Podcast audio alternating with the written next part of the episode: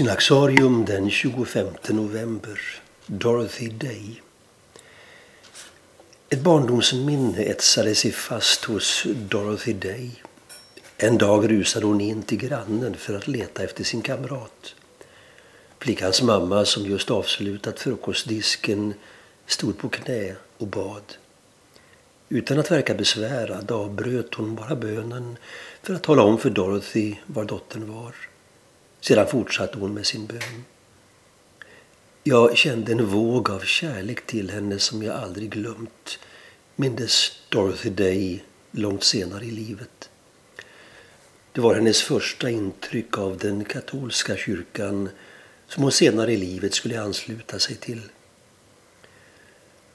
Dorothy Days far var journalist men ville inte att dottern skulle följa i hans fotspår. Han hade blivit arbetslös sedan familjen överlevt jordbävningen i San Francisco 1906.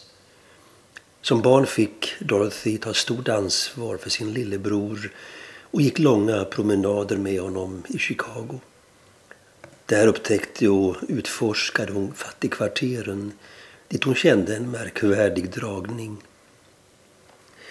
Efter ett par år vid universitetet avbröt hon studierna och flyttade till New York. Hon arbetade för de politiskt radikala tidningarna The Call och The Masses, bevakade demonstrationer och skrev om fredsfrågor. I november 1917 hamnade hon i fängelse tillsammans med ett antal andra kvinnor som protesterade mot att kvinnor inte hade rösträtt. Tron växte långsamt i Dorothy Days liv. När hon 1932 rapporterade om en hungerstrejk blev hon starkt berörd av den nöd hon såg. Hon gick till en kyrka och bad. Jag bad en bön åtföljd av tårar och ångest, berättar hon. En bön att någon väg skulle öppnas för mig där jag kunde använda de gåvor jag hade för att hjälpa mina kamrater, arbetarna, de fattiga. Gud hörde hennes bön.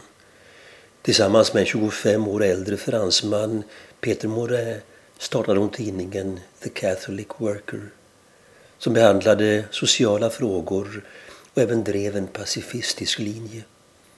Snart vidgades verksamheten, kommuniteter bildades dit nödlidande strömmade under den amerikanska depressionen på 1930-talet.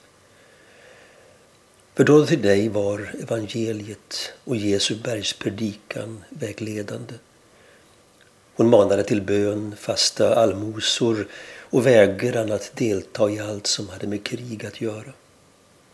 Hon hamnade ofta i fängelse för sitt fredsarbete. Sista gången när hon var 75 år. Men hennes outtröttliga engagemang bar frukt. År 1983, tre år efter hennes död, författade de katolska biskoparna i USA ett pastoralbrev om fred och krig. De lyfte då fram Dorothy Days starka vittnesbörd mot våld och framhöll fredsarbete som en del av tron.